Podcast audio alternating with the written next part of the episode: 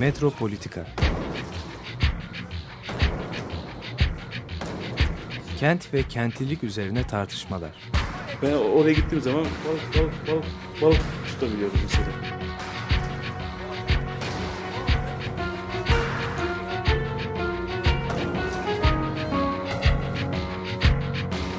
Hazırlayıp sunanlar Aysin Türkmen, Korhan Gümüş ve Murat Güvenç. Takusuyor ki. kolay kolay boşaltamadılar. Yani elektrikçiler terk etmedi Perşembe Pazarı merkezinde. Merhaba sevgili Açık Radyo dinleyicileri. Bugün Korhan Gümüş'le birlikte e, program yapacağız. E, aslında e, Murat Güvenç'le de yapıyormuş gibi başlayacağız.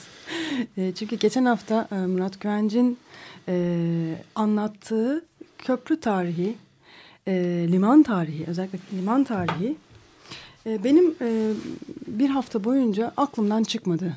E, değişik e, asosyasyonlar, çeşitli ilişkiler kafamda canlandırdı. Ve e, bu programı da e, geçen haftaki programı biraz da düşünerek, tekrardan düşünerek, tekrardan belki e, farklı noktalara çekerek e, başlatmak istedik. E, geçen hafta e, Limancı Hamdi Bey'in, e, Ahmet Hamdi Paşa'nın e, 1930'da e, ya, yazmış olduğu liman ve köprü raporundan e, bahsetmişti Murat Güvenç. Bu e, köprü e, ve liman e, Haliç'te yapılan e, yapılması e, aslında önerilen e, modern liman İstanbul'daki limanın e, yetersiz olduğundan dolayı çok daha büyük, çok daha geniş kapsamlı bir limanın olması gerekliliği üzerine bir rapor sunuyor 1930'da e, Limancı Hamdi.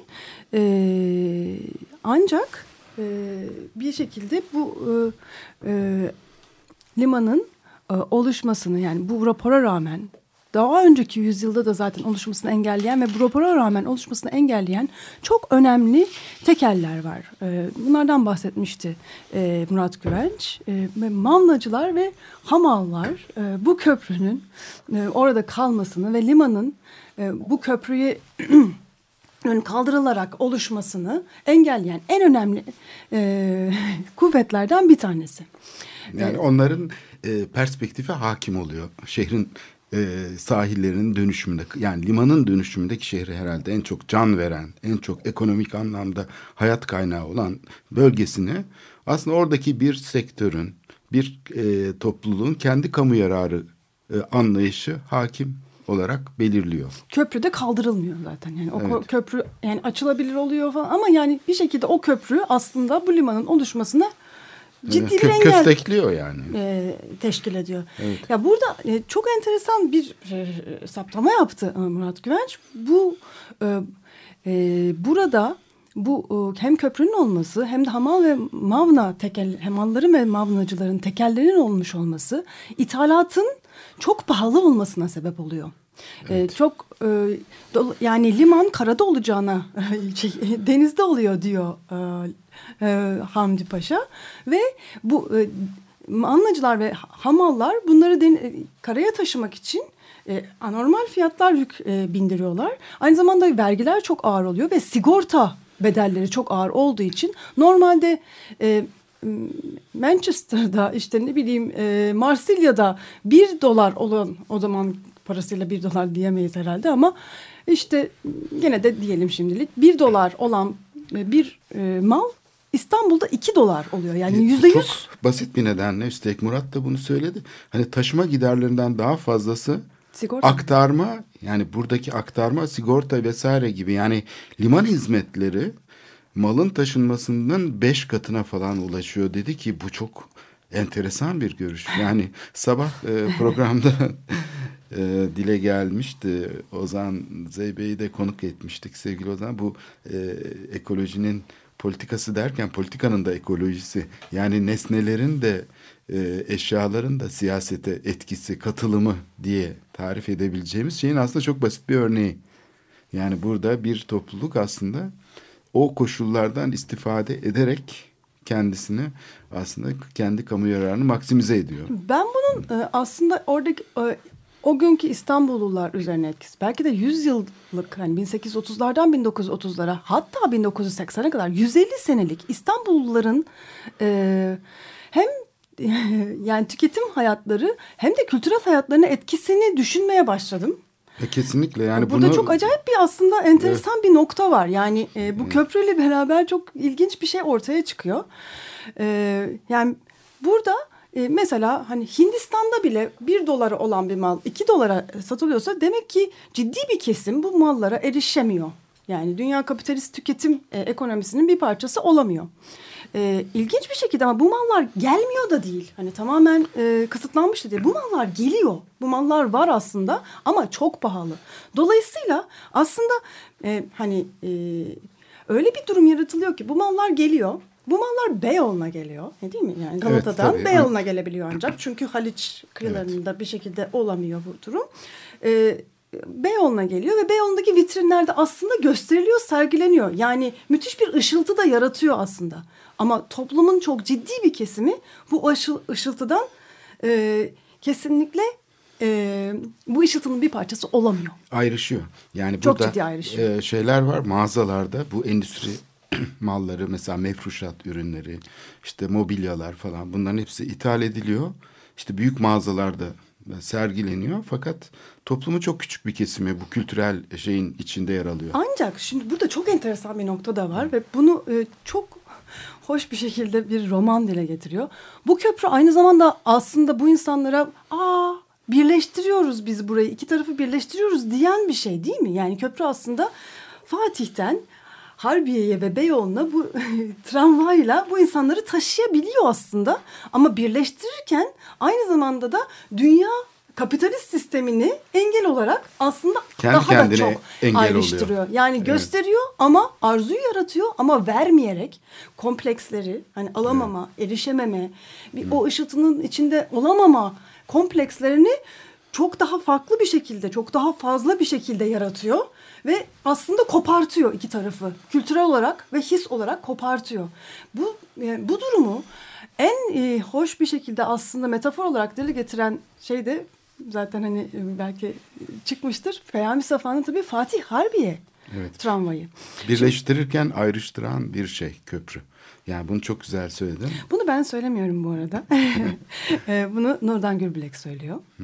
E, bu e, e, iki ayrı e, denemesinde, e, iki ayrı makalesinde e, bundan bahsediyor. Ve hatta bir tanesinde de Meltem Ahıska'dan bahsediyor.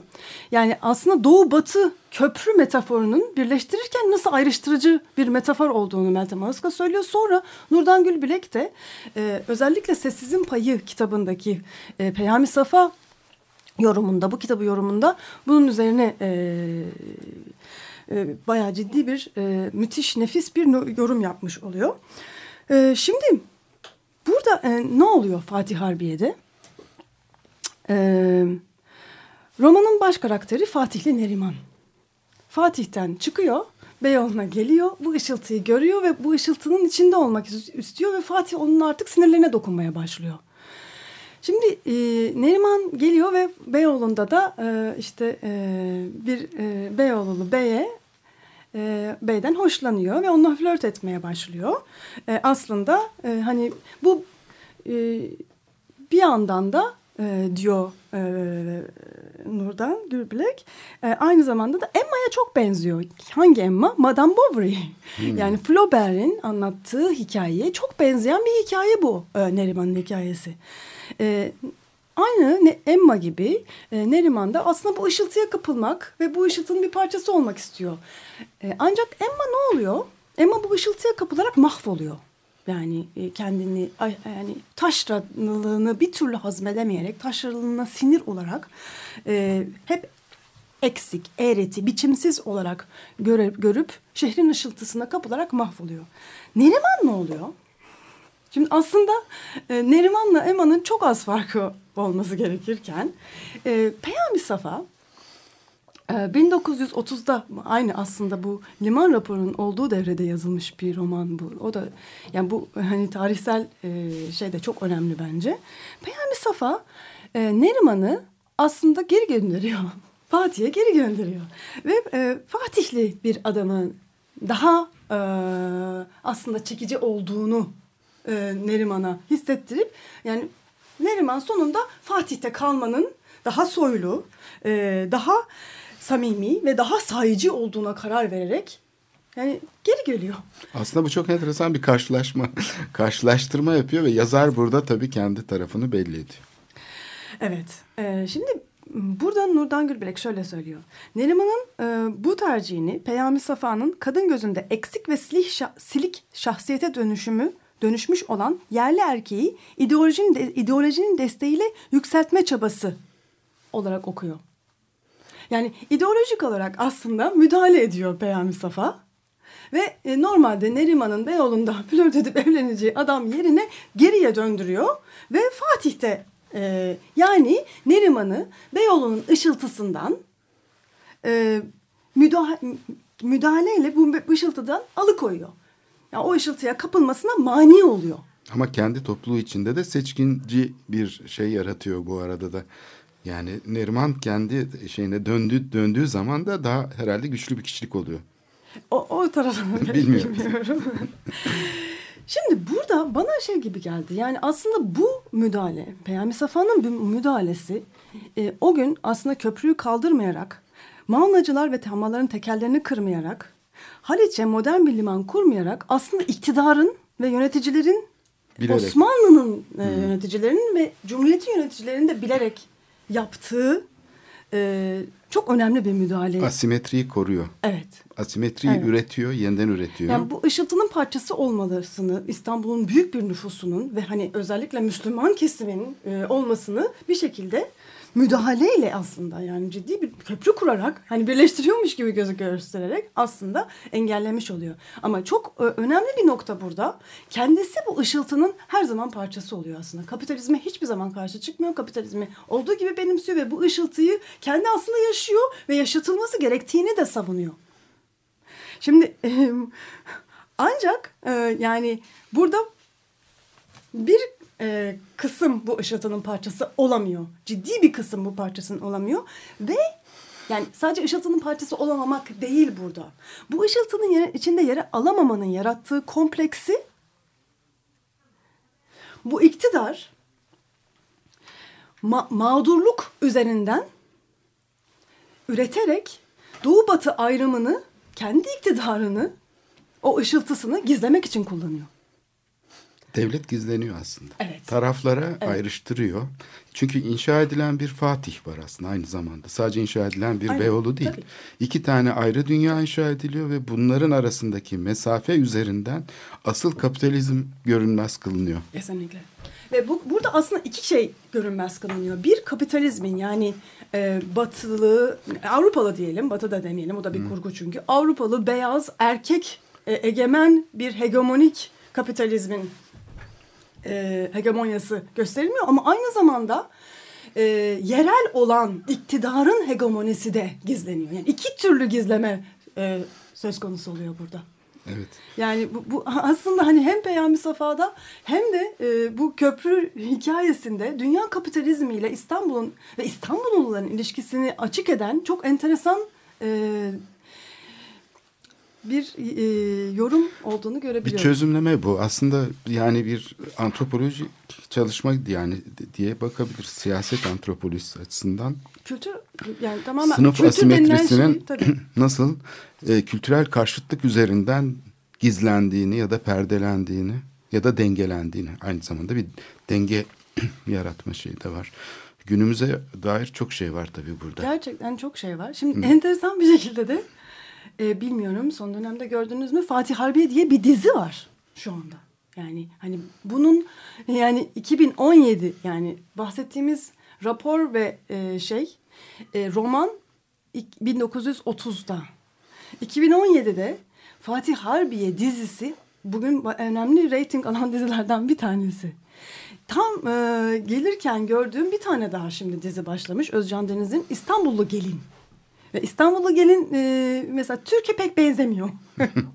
hani bildiğimiz o hani o kurgulanan Türk e, hani tiplemesine benzemiyor. Bir Avrupalı hava havası var. O, ne- o da ne demekse. Ama İstanbul'u gelince çağrıştırılamıyor. Resmin anlattığı şey de bu. Yani hala da aslında burayı burayı deşen, buradaki mağdurluğu e, hani kullanan bir sürü iktidar mekanizması olduğunu ve buradan e, aslında ayrıştırıcı yani hani köprüler kuruyoruz diyerek sürekli birleştirici gibi gösteren şeyin ne kadar sürekli ayrıştırıcılığı yeniden yeniden ürettiğini Meltem Özkaya selam ederek tekrar söylememiz Evet. gerekiyor. ya burada kentsel dönüşüm dediğimiz şeyin mesela nasıl bir asimetri ürettiğini bugün de gözlemliyoruz değil mi? Yani bir taraftan hem refahın paylaşılmasını sağlıyor gibi gözükürken yeni araziler imar açılıyor işte köprüler yapılıyor üçüncü köprü falan ama aynı zamanda da bu eşitsizliği yeniden üretmek üzere e, şey yapıyor sistem işliyor. Ve gene eski aktörler bunun içinde pay almaya başlıyorlar falan. Yani bu çok enteresan bir arka plandaki bir işleyişin olduğunu gösteriyor. Yani bu e, analiz. Köprü bunun bir simgesi. Bunun okunmuş olması yani 1930'larda bunun görülmüş olması müthiş bir şey tabii. Yani muazzam bir siyasi bir buluş yapmış aslında Limancı Hamdi. Bu analizi yaparak belki farkında olmayarak. Kesinlikle. Ama bir yandan da çok ortada bir şey gibi anlatıyor. Yani ben hani raporu da okuduğumda biraz hani aslında hani e, o kadar hani e, inanarak o kadar rahat bir şekilde bunu anlatıyor ki.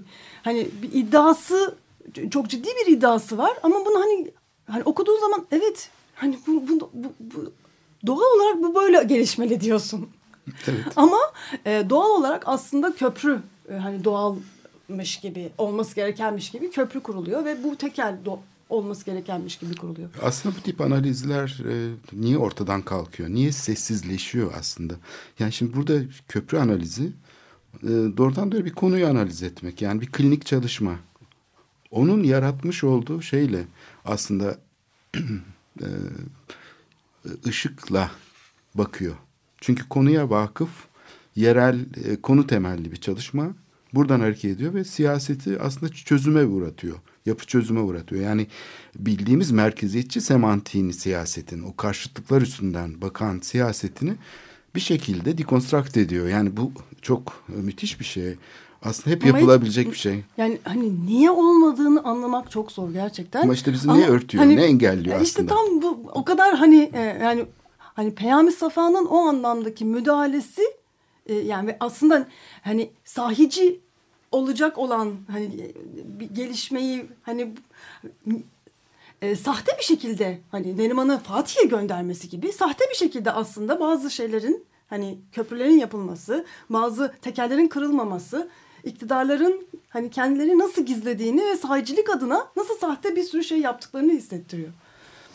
Evet bu mesela hep hayat bo- boyunca da tekrarlanıyor ondan sonra. Yani bu örtme meselesi işte Taksim'de, Gezi'de karşımıza çıktı. Yani tamamen bir ulaşım projesi gibi gösteriliyor falan filan. İşte bir karşıtlık, semboller bulunuyor falan. Oysa ki olay bambaşka bir şekilde cereyan ediyor. Yani insanlarla e, devlet arasındaki ilişki aslında bambaşka şeylerin, e, sorunların ortada olduğu, daha farklı somut engellerin oluştuğu bir şey aslında kapitalizmin işleyişi. Ee, Fatih Harbi üzerine denemesinin Sessizin Payında e, makalesinin e, sonunda e, Nurdan Gülbek çok önemli bir şey de söylüyor. Yani Gezi'de aslında Fatih Harbiye birbiriyle tanıştı diyor. Bir araya geldi. E, bir anlamda yani e, sürekli bir şey değildi ama bir e, Ferda Keskin'in yorumunda da burada bu programımızda yaptığı yorumunda da o vardı. Yani bir anlığına hakikaten bir araya gelindi ve bu ayrımın ötesinde başka yani birbirlerini görmeye başladı insanlar.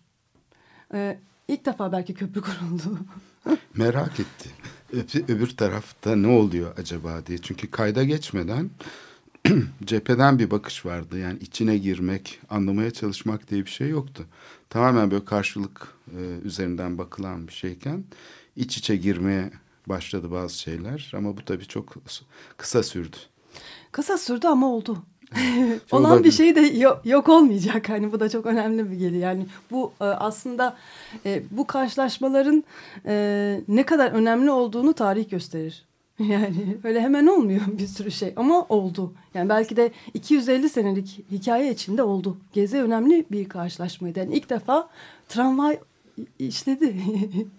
yani hani köprüler kuruluyor, tramvaylar kuruluyor ki hani bir sürü birleştiriciymiş gibi gösteren unsur oluyor ama e, İstanbul'un ağaçlarını korumak adına insanlar birleşti.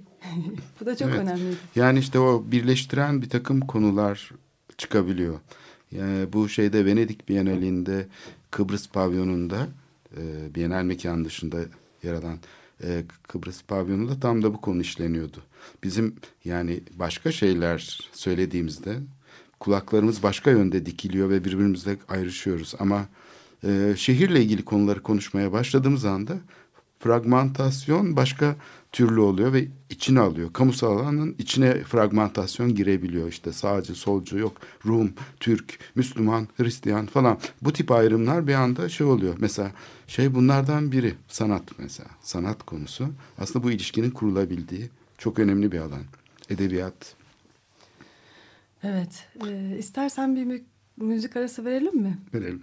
E, Bob Dylan'dan dinliyoruz. The Girl from North Country.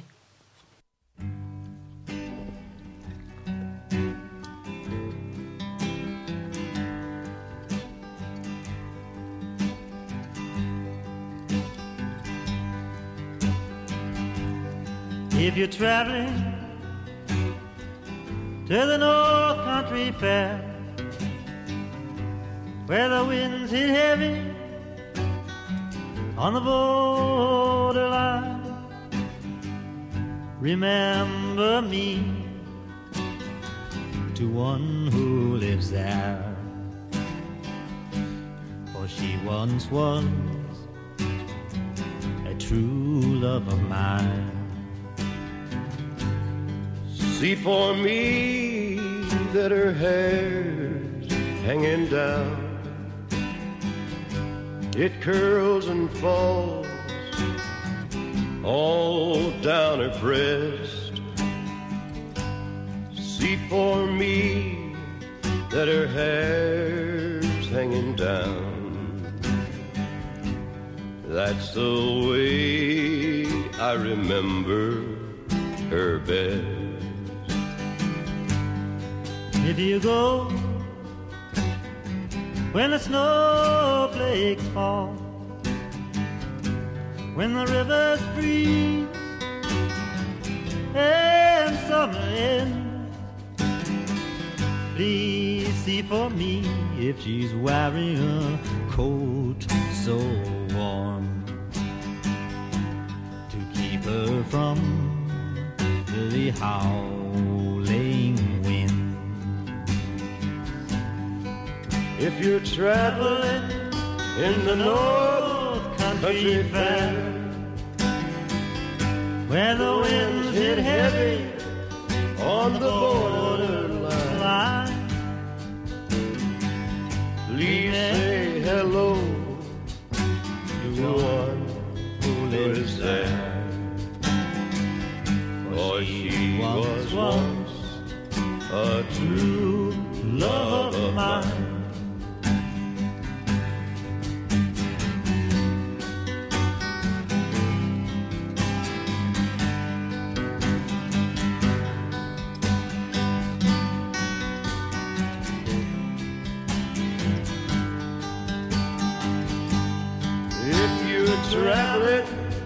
In the North Country Fair,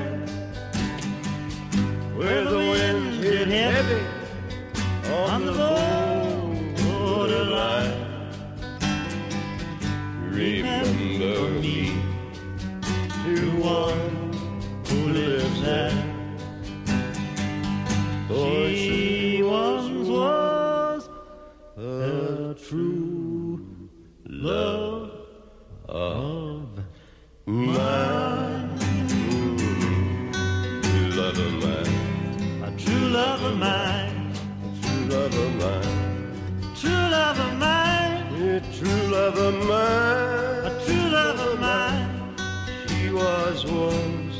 true love of mine.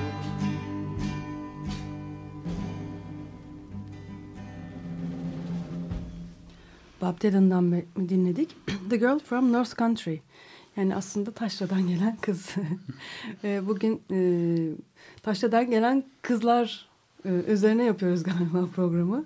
E, Emma, Neriman ve Babdede'nin kızı.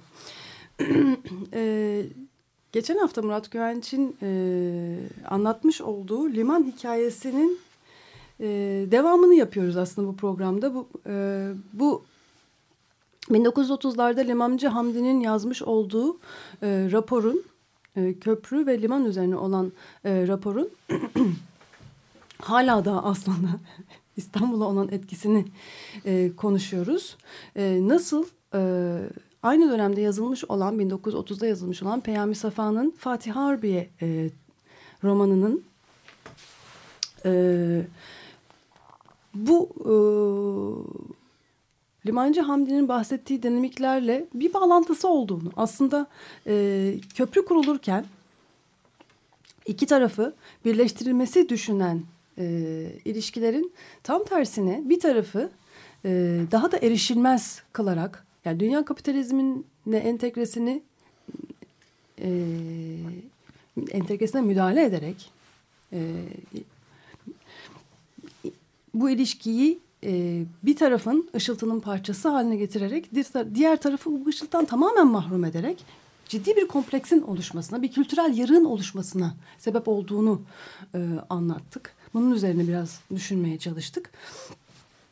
Ve e, bu bu burada yaratılan kompleksin bir yandan da Fatih ve Harbiye'nin aslında yani bu Doğu Batı'nın e, birincil, ikincil kültürel konumlanmaların aslında hegemonik biçimde kapitalizm tarafından kurulduğunu e, ve kurulurken daha da ayrıştırılmış kurgular olduğunu gizlemeyi becerdiğini anlattık. E, burada iki türlü bir hegemonyanın olduğunu e, söylüyoruz aslında. Yani bir e, hakikaten bu kurguları oluşturan e, bak kapitalizmin yarattığı e, hegemonya. Diğer taraftan da yerel güçlerin bu kurguları tekrar tekrar kurarken ve bunun üzerinden bir tarafı mağdur olarak e, kodlarken ve e, kendileri ışıltılar içindeyken diğer tarafı kodlarken yarattığı ikincil bir hegemoniden de bahsediyoruz. Evet, yani sessizleştiren, sessizleştirilenlerin ikinci defa sessizleştirilmesi, işaretsizleştirilmesi. Çünkü bu temsil temsil edermiş gibi yaparken aslında bir kere daha onları baskılıyor, sessizleştiriyor değil mi? Yani çifte e, kavrulmuş derler yani. Evet. Lokumun çifte kavrulmuşu bu Aynen öyle. Aslında bir, do, bir dolara olan malı iki dolar haline getirerek yani bir dolara zaten erişemeyecek olanı iki dolarlık malının ışıltısına e, hani sen hem köprüyle taşıyorsun. Hani bir dolar, bir dolar bir kesimi şey yapacak. iki dolar iyice hani uzaklaştırır. Yani hem bir yandan gösteriyorsun hem bir yandan tamamen mahrum ediyorsun. Ama bunu bu mahrumiyetini e, sen bambaşka bir şekilde kültürel kodlarla mağduriyet olarak e, dile getiriyorsun. İşte bu çok ideolojik bir söylem haline geliyor ve hegemonik olmaya baş oluyor tabii. tabii. Mağduriyeti kullanma stratejisi diyebiliriz. Yani o mağduriyet üzerinden aslında kendi şeyini oluşturuyor patronajını ve böylece mesele örtbas edilmiş oluyor. Yani asıl bu çelişkiyi aşacak şeyleri yani yerel yönetimin mesela diyelim kültür politikası değil mi? Bununla ilgili işte küçük üretim, zanaat bilmem ne çünkü gelişiyor. Bunlar şehirde binlerce marangoz atölyesi var. Mesela bu ithalat rejimi aynı zamanda bir küçük üretimi ve şeyi destekliyor bir bakıma da. Dolapdere'deki şeydeki işte Cendere Deresi'ne kadar uzanan Haliç çevresindeki bu küçük üretim şeyin etrafına saçaklanıyor. Bu limanın şeyini ortaya çıkarmış olduğu şeyi e, telafi etmek için belki de. Yani Haliç'te mesela bu küçük üretimin konumlanmasının nedeni belki de bir parça köprü.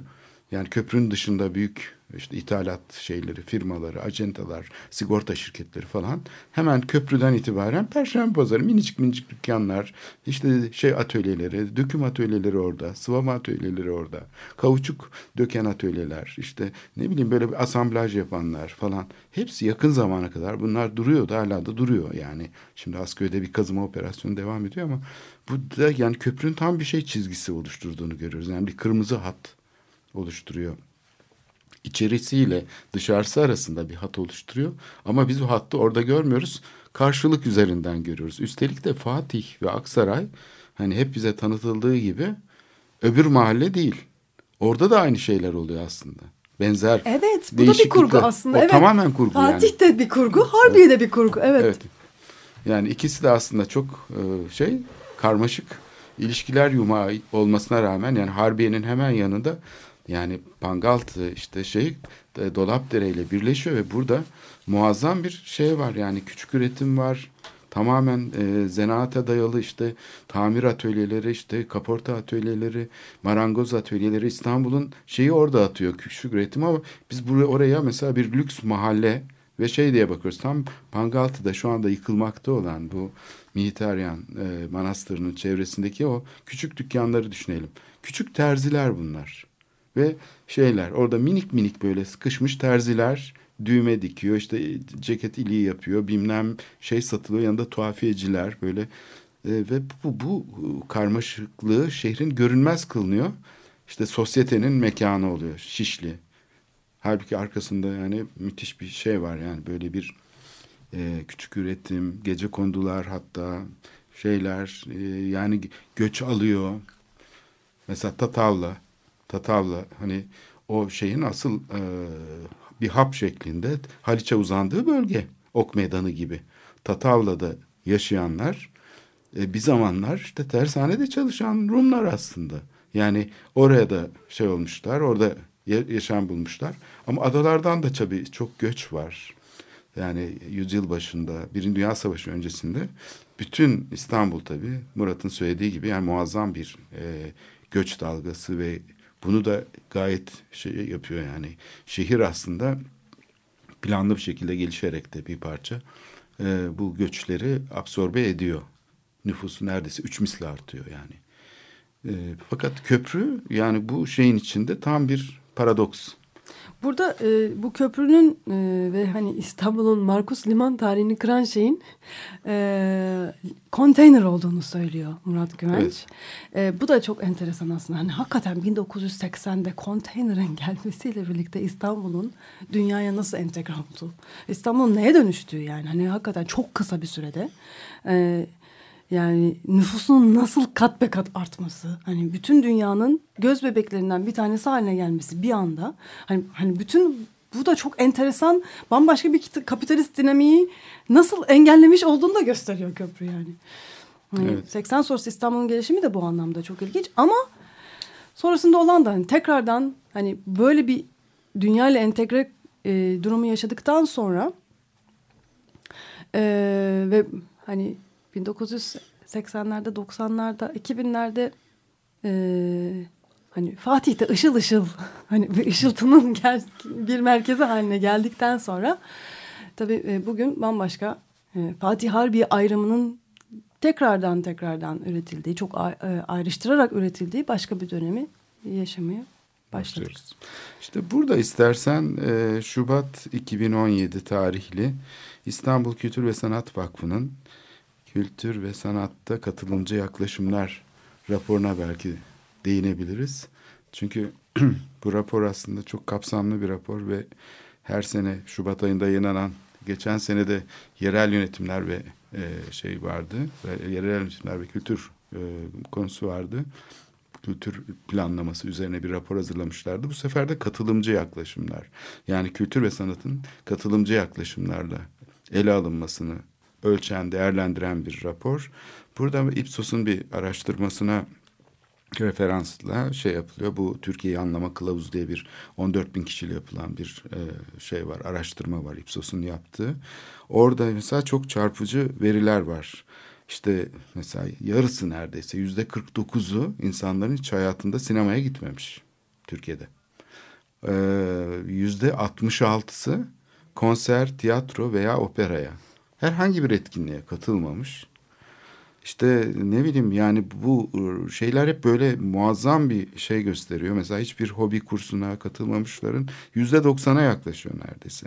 Dergi okum... İsmek acaba dahil miydi? Buna işte ben de onu burada ismek de var. Ee, o da tabii şey e, buna rağmen yani İsmeye rağmen. rağmen 86 çünkü İsmek eğer burada yüzde beş falan bir şey oluşturuyorsa ya da yüz, İstanbul'da ama bu tabii Türkiye çapında başka. Ee, ama bunu e, yani insanlar mesela hobi deyince hani müzik dersi almak, işte çiçek bakmak falan gibi şeyleri de katı katabiliriz. Ee, bir de buna karşılık da yüzde 85'ten daha e, şeyin etkinliğin televizyon izlemek olduğu görülüyor. Yani neredeyse halkın tamamı televizyon dışında e, yani o kültürel etkinlikler vesaire gibi hani böyle insanın e, şey yaptığı hani bildiğimiz kültür alanına giren şeylere katılımı çok çok zayıf. Bu çok çarpıcı yani biliniyordu zaten de böyle şeyler ama burada rakamlara dökülmüş hali tabii e, şaşırtıcı. Diğer taraftan e, böyle bir e, şeyin içine mesela şunu da sokabiliriz. Hani semt konakları yapıyor mesela belediyeler. Bunların içinde kültür etkinlikleri var. Zaman zaman tiyatro etkinlikleri oluyor, müzik etkinlikleri oluyor. Bunları da katarak bunu şey yapılıyor. Yani burada belki de çoğunluğunu gene bu tip e, ya da piyasa aktörlerinin ürettiği ticari faaliyetler de olabilir. Mesela ne bileyim bir yazlık yere işte bir topluluk geliyor sahilde konser veriyor. Bunları kattıkları halde bu şekilde e, izleme oranı çok e, düşük. E, dolayısıyla bu raporun e, ortaya koyduğu şey yani bir kamusal problem olduğunu gösteriyor. Zaten hani planlama raporunda e, şey yaparken izah ederlerken hani plan sözcüğünün kapsamını sorguluyor rapor aslında. Plan dediğimiz zaman hep biz fiziksel bir şey algılıyoruz. İşte yani şehrin planlanması falan gibi. Hani kültürün de planının olabileceğini yeni yeni insanlar bu kavramı kullanmaya başladılar. Yani kültür şeyi. Ama burada kültürün tabii bu şekilde ayrışmış olması da aslında tıpkı fiziksel planlama kavramı gibi kültürün de ayrı bir etkinlik türü, ayrı bir insani faaliyet türü olarak ayrıştırılması da aslında bu etkileş, etkileşimli bakışı bir parça engelleyen bir şey. Bu raporda da katılımı engelleyen fiziksel engeller bölümü var. Yani bu fiziksel engellerin başında da aslında kültüre ait mekanların sınırlılığı var. Yani kamunun mesela hani konser salonu yok. İstanbul'da bir konser salonu yok. İşte doğrusu müze yok. Yani kamuya ait içinde etkinlik temelli çalışan sanat ve kültür etkinliklerini işte katılımı sağlayan. Burada tabii yani bir izleyici olarak bakıldığında kültüre katılımın çok zayıf olduğu görülüyor. Ama diğer taraftan da tabii bu izleyicilik şeyin arttırılması için çok farklı şeyler gerekiyor. Sadece hani işte ücretsiz bilet verilmesi gibi ya da mekanların erişilebilir olması dışında başka şeyler de gerekiyor ki bu rapor asıl bence dikkat çekici şeylerden biri de o. Yani yeni getirdiği kavramlardan biri kültürel okur yazarlık yani kültürle ilişki kurma biçimi. Bu okur yazarlık kavramı bir metafor belki ama yani insanların kültürle olan ilişkisini bu dışlayıcı bir ilişki oluyor çoğu zaman. Yani hoşlanma, hoşlanmama.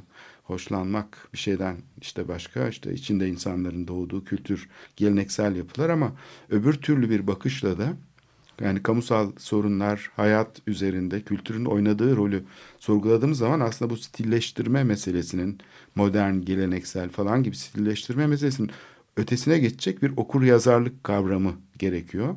Okur yazarlık ne demek?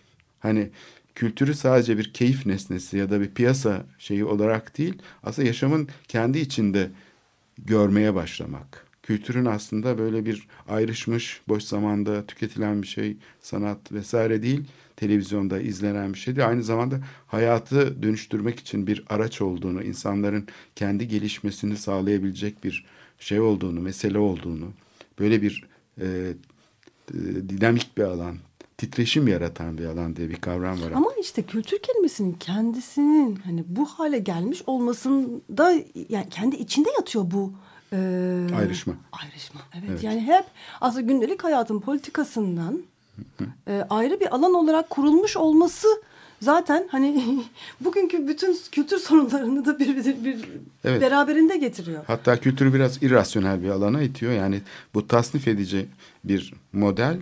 Çünkü yani yararlı şeyler var. Kullanıma dair işler.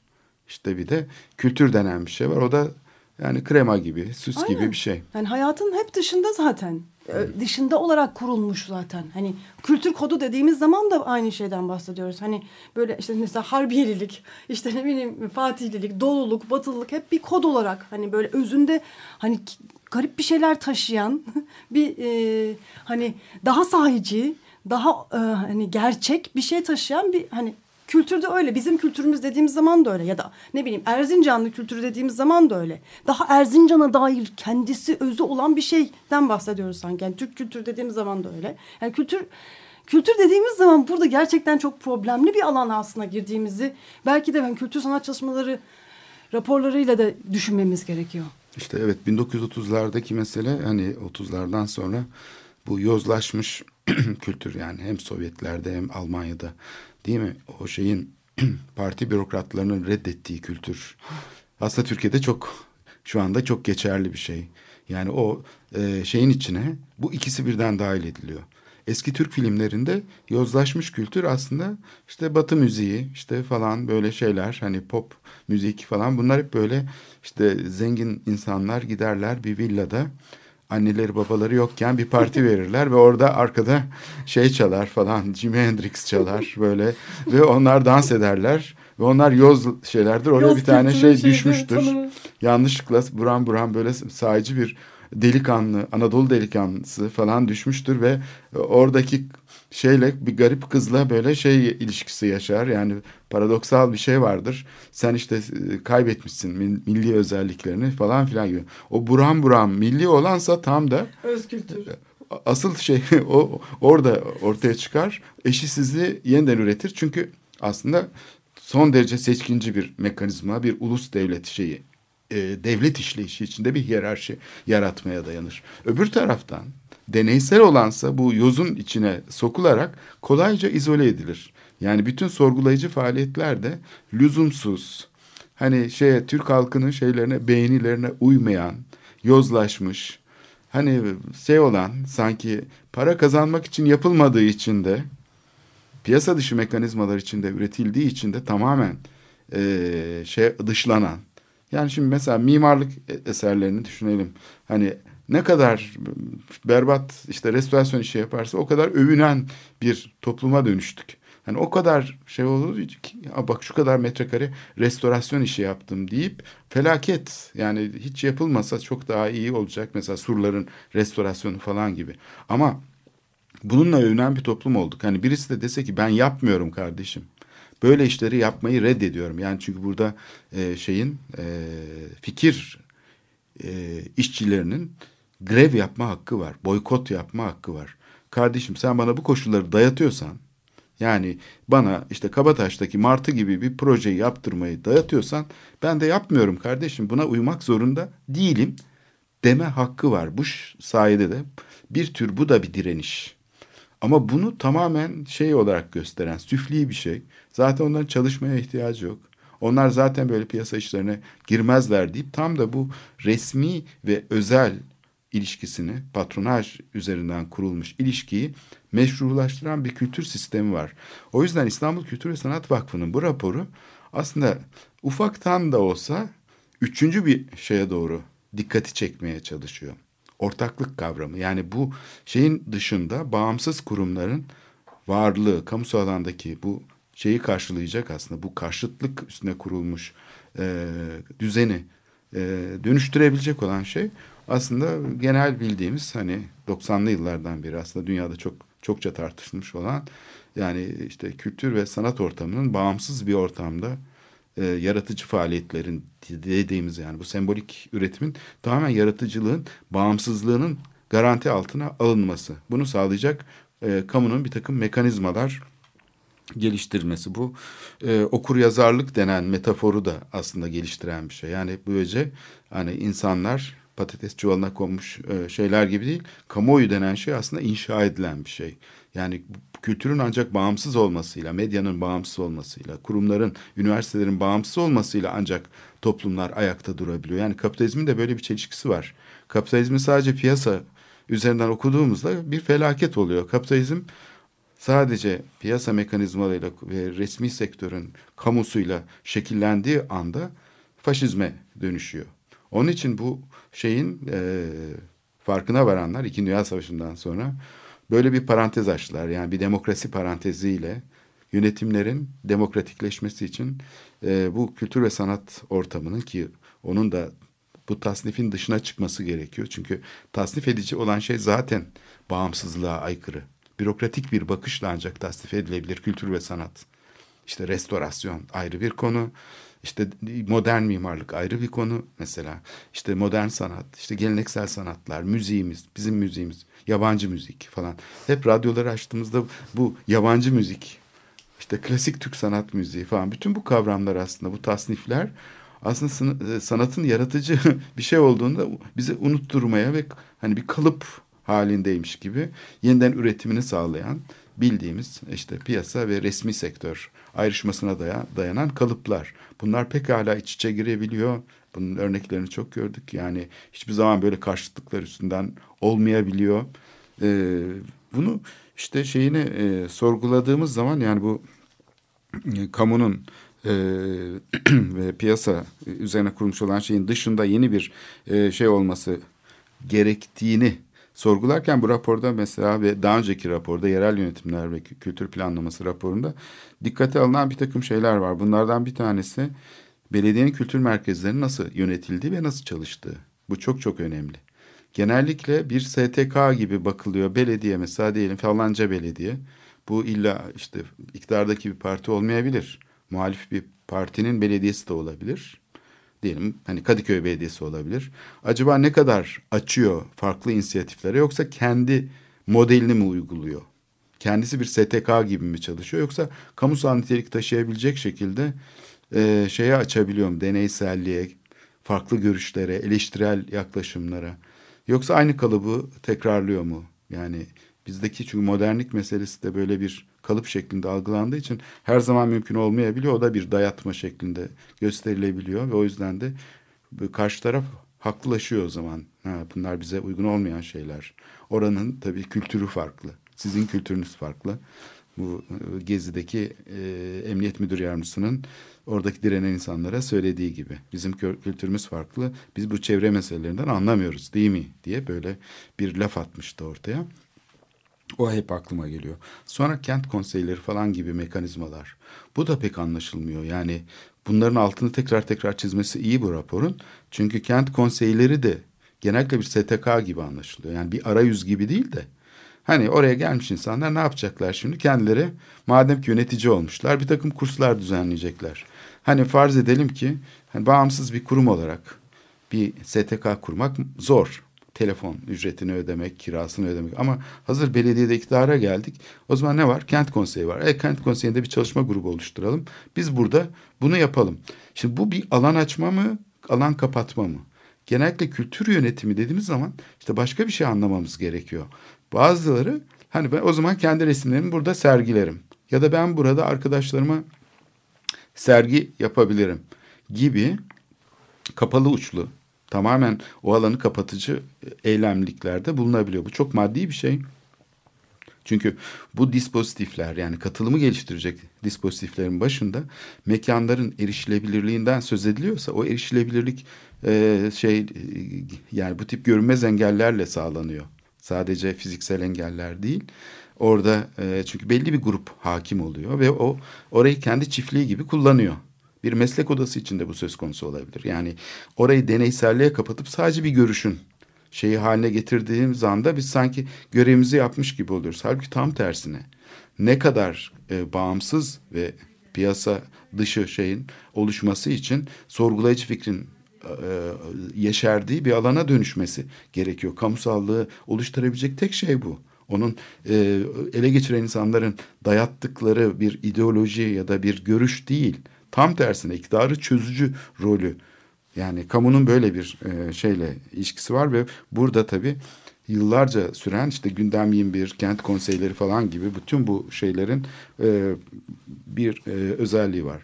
Tabii önemli konu yani bu kamu sivil ilişkisini düzenleyen ihale sistemi ve protokoller.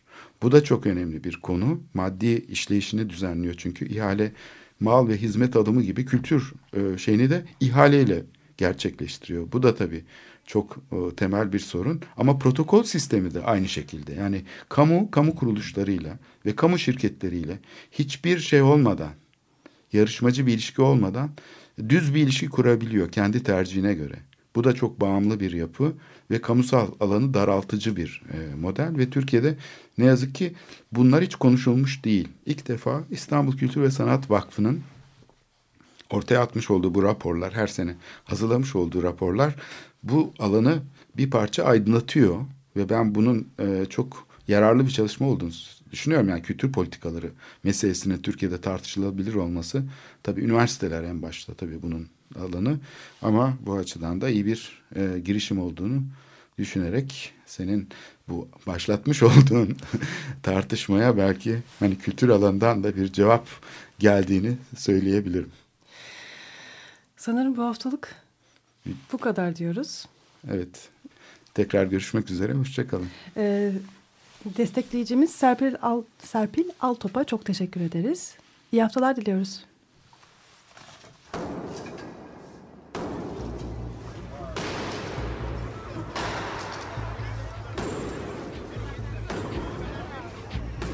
Metropolitika Kent ve kentlilik üzerine tartışmalar. Ben oraya gittiğim zaman balık balık balık balık tutabiliyorum mesela.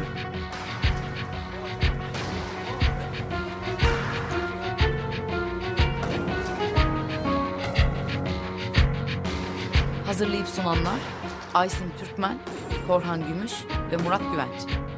Takusuyor ki. Kolay kolay boşaltamadılar. Yani elektrikçiler terk etmedi Perşembe Pazarı merkezini. Açık Radyo program destekçisi olun. Bir veya daha fazla programa destek olmak için 212 alan koduyla 343 41 41.